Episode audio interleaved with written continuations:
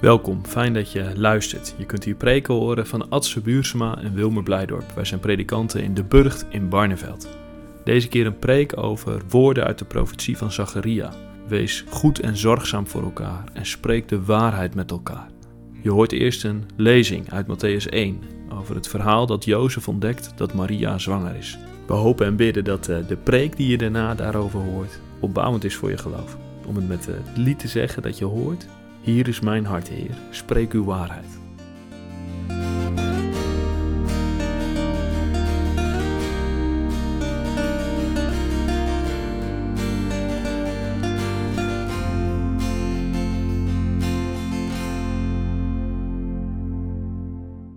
Matthäus 1, vers 18. De afkomst van Jezus Christus was als volgt. Toen zijn moeder Maria al was uitgehuwelijkt aan Jozef, maar nog niet bij hem woonde, bleek ze zwanger te zijn van de Heilige Geest. Haar man Jozef, die een rechtschapen mens was, wilde niet, haar niet in opspraak brengen. En hij dacht erover om haar in stilte te verstoten. Toen hij dit overwoog, verscheen hem in een droom een engel van de Heere die zei, Jozef, zoon van David, wees niet bang je vrouw Maria bij je te nemen, want het kind dat ze draagt is verwekt door de Heilige Geest. Ze zal een zoon baren. Geef hem de naam Jezus, want hij zal zijn volk bevrijden van hun zonden.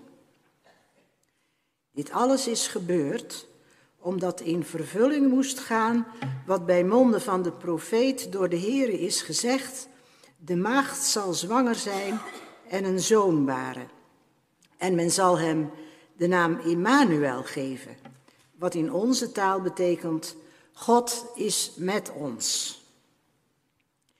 Jozef werd wakker en deed wat de engel van de Heere hem had opgedragen.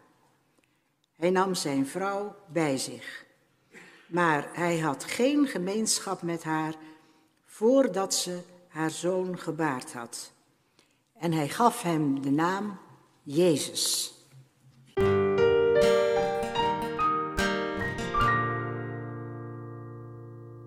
Zacharia gaf als opdracht aan het volk: wees goed en zorgzaam voor elkaar en spreek de waarheid tegen elkaar.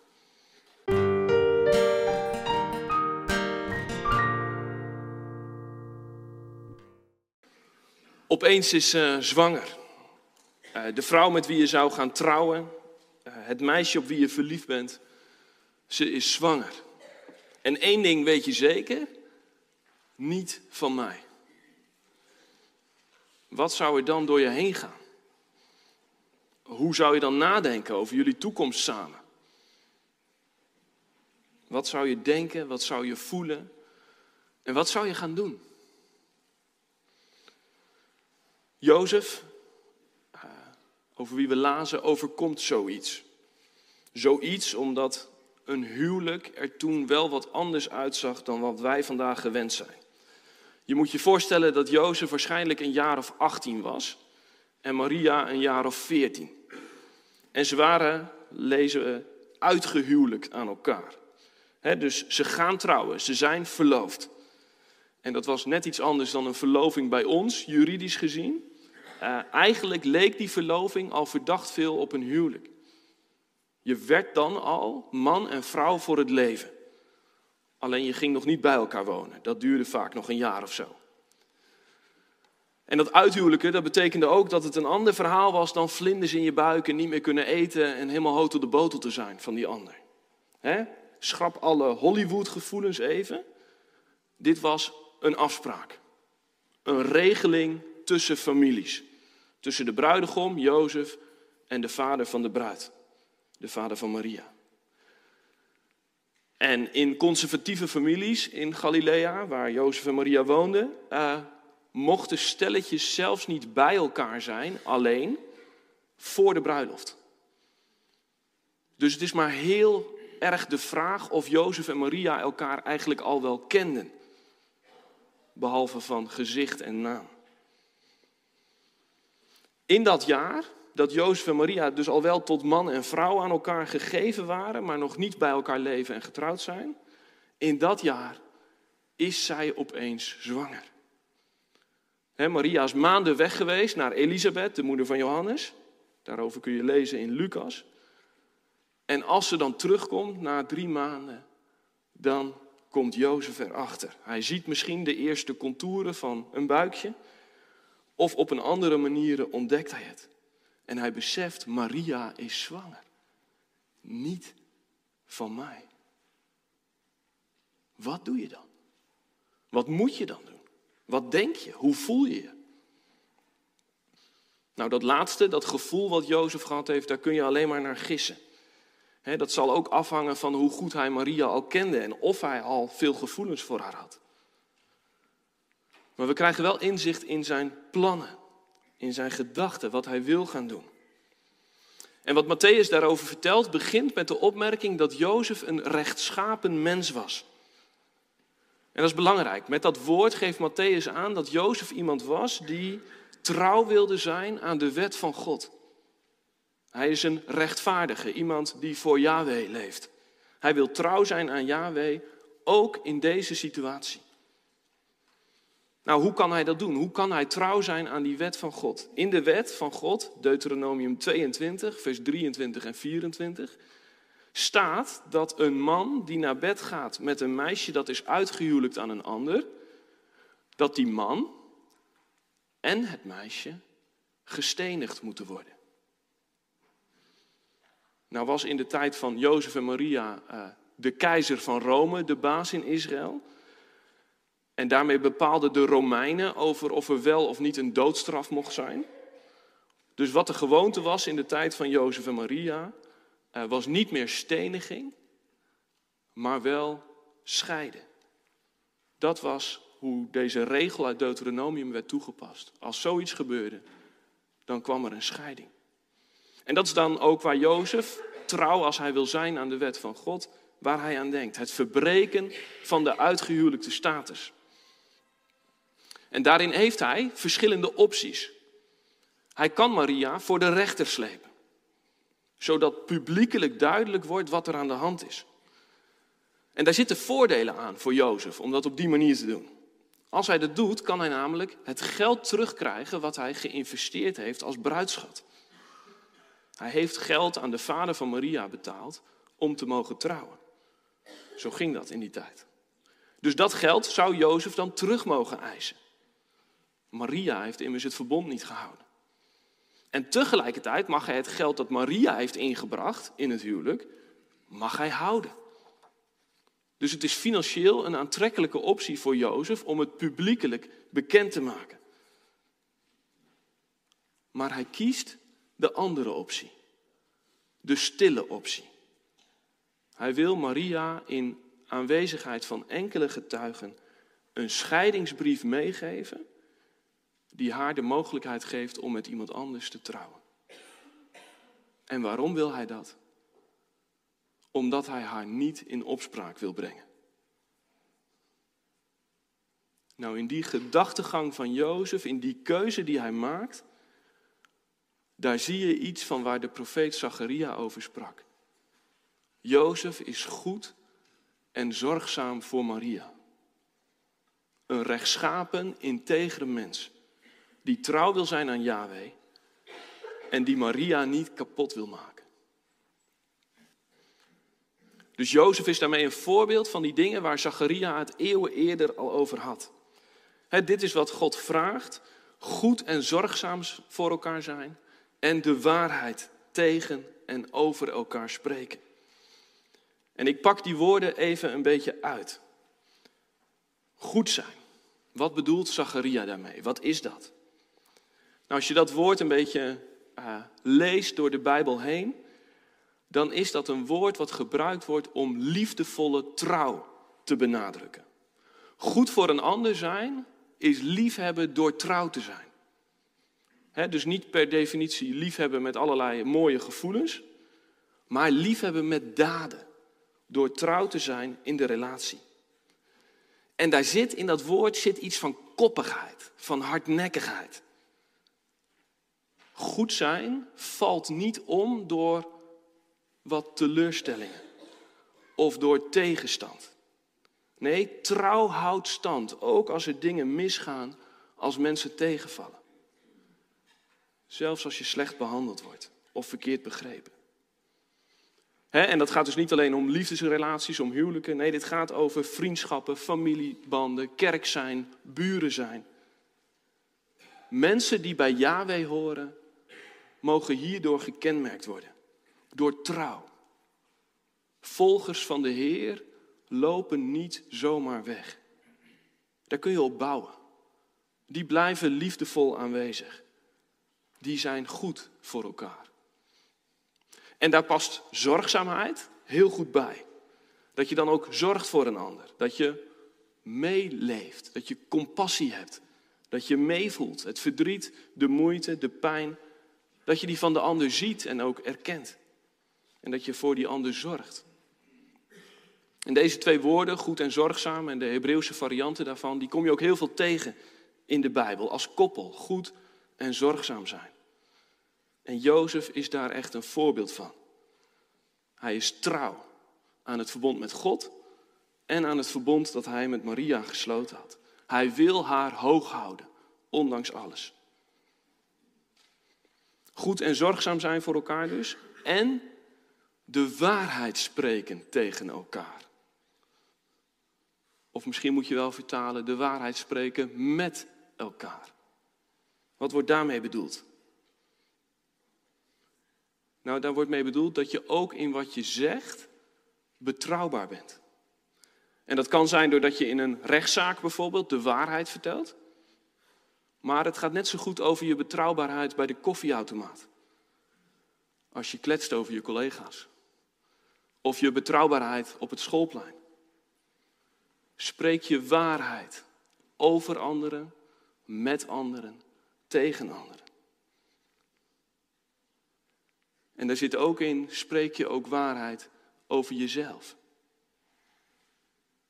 Vertel je aan de buitenkant ook de waarheid over je binnenkant. Of ben je onwaarachtig, nep, verstop je jezelf? Ben je een mens met twee gezichten? deze woorden van Zacharia moedigen aan om een mens te zijn uit één stuk. Integer, waarachtig. Niet meedoen met roddelen, niet meedoen met leugenachtigheid, niet meedoen met verstoppertje spelen, niet meedoen met oppervlakkigheid van het bestaan. Nee, eerlijk, open, waarachtig, oprecht. Op zoek naar waarheid die je ziel raakt, die de diepte van het leven raakt. En een mooi voorbeeldje van deze woorden hoorde ik laatst hier in de gemeente van iemand uit de kerk. Als in de kring waarin zij deel van is, werd gevraagd naar hoe gaat het met je, hè? een rondje wel en wee, dan bleef zij vaak een beetje oppervlakkig. Dan vertelde ze niet echt wat er van binnen speelde aan gedachten en gevoelens. Totdat ze een heel aantal kringmomenten had meegemaakt en merkte deze mensen hier in de kring zijn goed en zorgzaam voor elkaar. Er is warmte, liefde, respect. Het is hier veilig. En toen, bij een volgend rondje wel en wee, toen durfde ze het aan om waarheid te spreken over wat er speelt in haar leven, in haar hart. Want dat gebeurt als mensen goed en zorgzaam voor elkaar zijn, dan kunnen we oprecht worden, van hart tot hart. Dus vraag het jezelf maar af. Ben ik zo? Goed en zorgzaam, typeert dat mij? Trouw en compassie, zijn dat woorden die bij jou passen? En waar blijkt dat dan uit? Zou je familie je vrienden, je kinderen, je partner, zouden die jou ook zo omschrijven? Als integer, waarachtig en oprecht. Misschien een mooi gespreksonderwerp voor aan het kerstdiner. Zie jij mij zo? Ervaar je mij als een integer, oprecht en zorgzaam persoon? En uh, wees ook maar kritisch naar jezelf. In welke relatie voel jij dat jij trouwer en zorgzamer zou kunnen zijn? Of op welke plekken in jouw leven wordt jouw integriteit en waarachtigheid wel erg dunnetjes?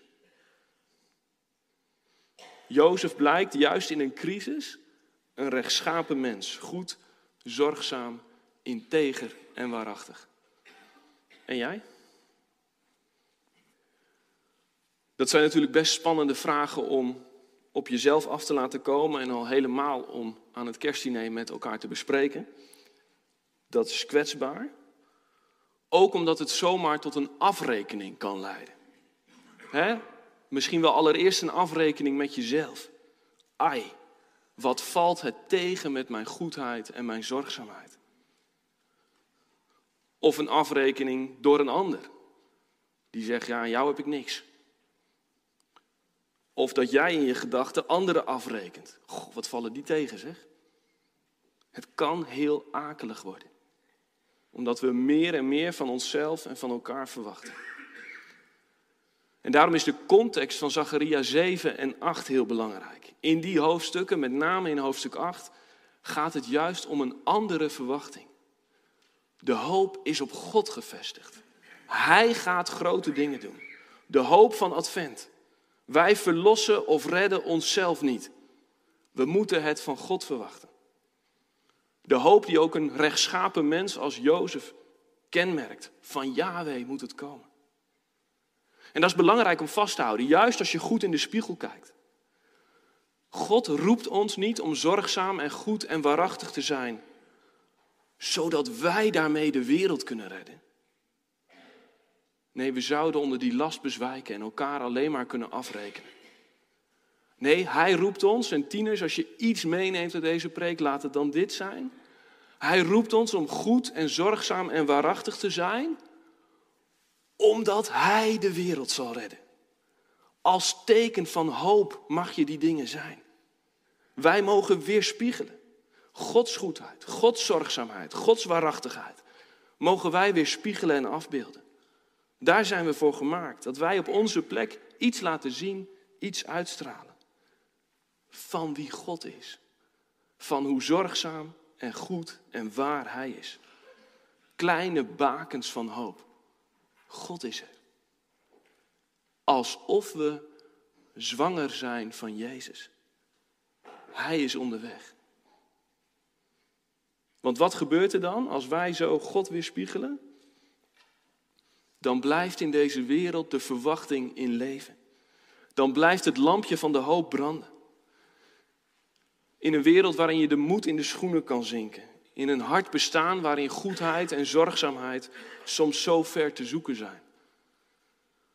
Waar waarachtigheid en integriteit lang niet altijd de belangrijkste waarden zijn.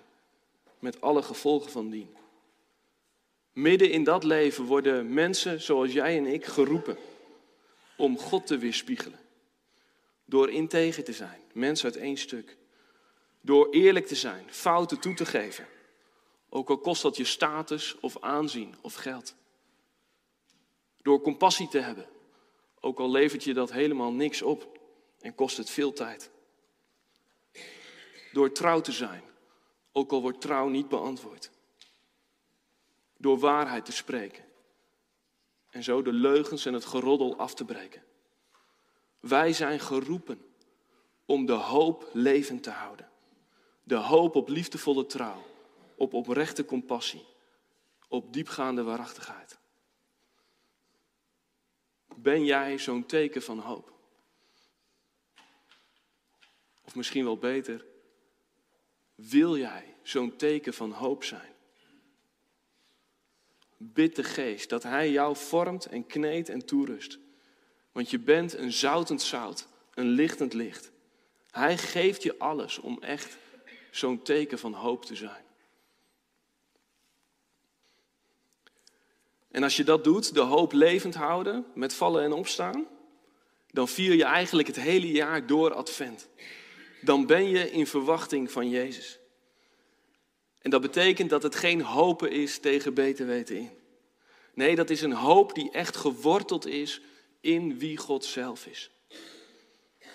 In Exodus 34, vers 6 roept God uit wie hij zelf is. Hij gaat dan voor Mozes langs en hij roept zijn naam. En dit is het begin van wat Yahweh daar roept. De Heer, de Heer. Een God die liefdevol is en genadig, geduldig, trouw en waarachtig. En eigenlijk zou ik deze woorden in het, uh, uit Zacharia en uit Exodus, zou ik eigenlijk in het Hebreeuws moeten lezen. Want dan zou je het horen. Want het woord liefdevol, dat in Exodus gebruikt wordt, komt van dezelfde stam als het woord wat in Zacharia vertaald is met zorgzaam. Het woordje trouw, wat je in Exodus leest, is hetzelfde woordje als goed in Zacharia. Het woordje waarachtig in Exodus is hetzelfde als het woordje waarheid in Zacharia. God presenteert zichzelf als de God vol van liefdevolle trouw.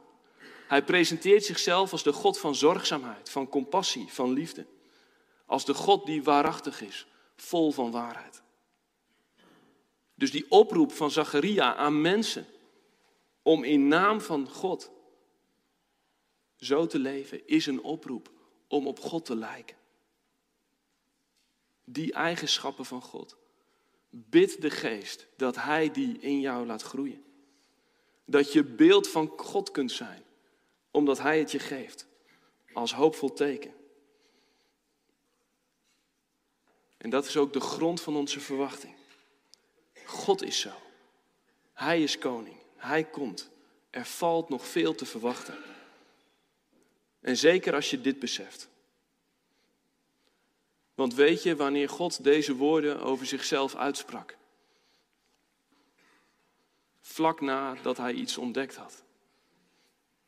Vlak nadat hij het gezien had. Mijn volk, mijn bruid, mijn geliefde, ze is vreemd gegaan.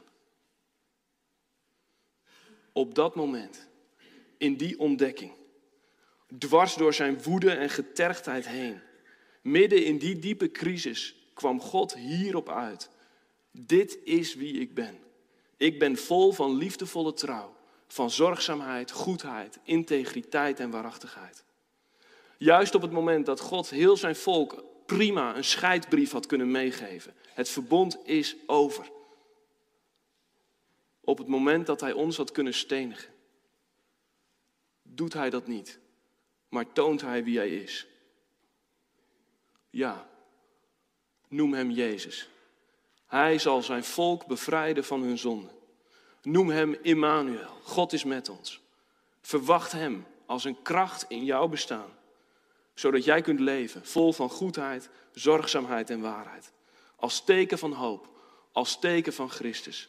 De wereld wacht op Hem. Amen.